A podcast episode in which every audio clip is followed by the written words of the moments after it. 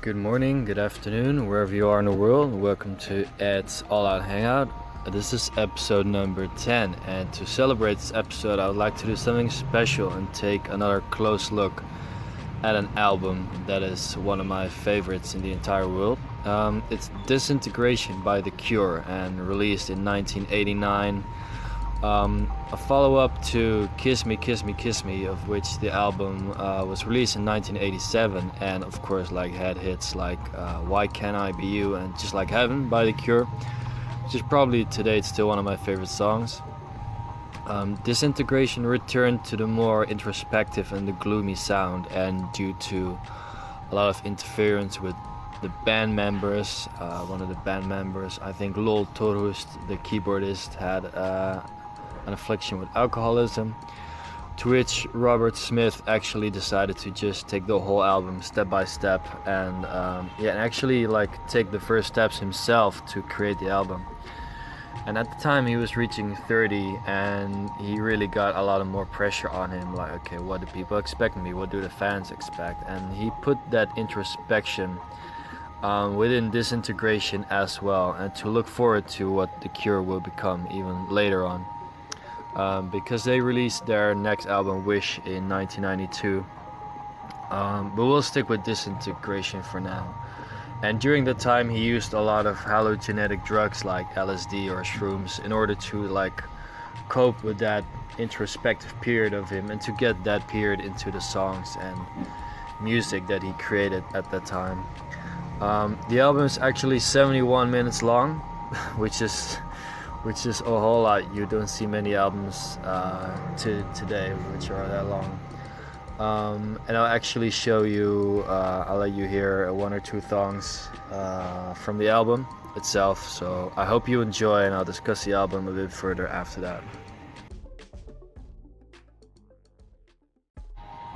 So on the album, uh, there are actually a lot of songs that surpass the five-minute mark, of which. Um, the song The Same Deep Water as You uh, reaches a nine minute mark, even that. That's still pretty pretty long, and uh, the title song Disintegration itself runs on eight minutes. Um, but as you just heard, you just heard two songs uh, called Fascination Street and Pictures of You. And the whole bass line on Fascination Street is just that is the thing that really sets it apart from the other songs for me. Um, I don't know, pictures of you just like strikes a certain chord with me. Uh, it runs seven minutes, and it's it's just as really emotional, and the whole atmosphere of the album is very dreamy and love-inducing, if I can call it like that. Um, and actually, the whole album was just like one of the albums that led up to all of their other stuff that they made lately. Um, the album uh, features songs like Love Song or Lullaby as well. Um, but I think the songs Pictures of You and Fascination Street are the top ones for, for me. Um, I hope you'll enjoy two other uh, songs that I'll let you hear called Disintegration and uh, Plainsong. And um, I'll talk some more after that. So, on to the next generation after discussing this great album, Disintegration by The Cure. Uh, I wanted to let you guys hear uh, something from a band called Pale Waves. Um, they're actually a bit influenced by The Cure. Maybe you can hear it from the sound uh, in the song I'll let you guys hear afterwards. Um, but Pale Waves actually it's an uh, English indie pop band from Manchester formed in 2014 and originally formed as Creek when the band members uh, attended university.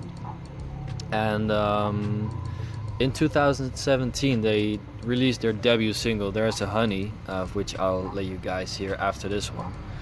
And they were actually ranked fifth in the BBC Sound of 2018. Um, so you could say, like, this indie rock band is definitely something to look out for. And um, actually, they're releasing a debut album um, somewhere later in this year.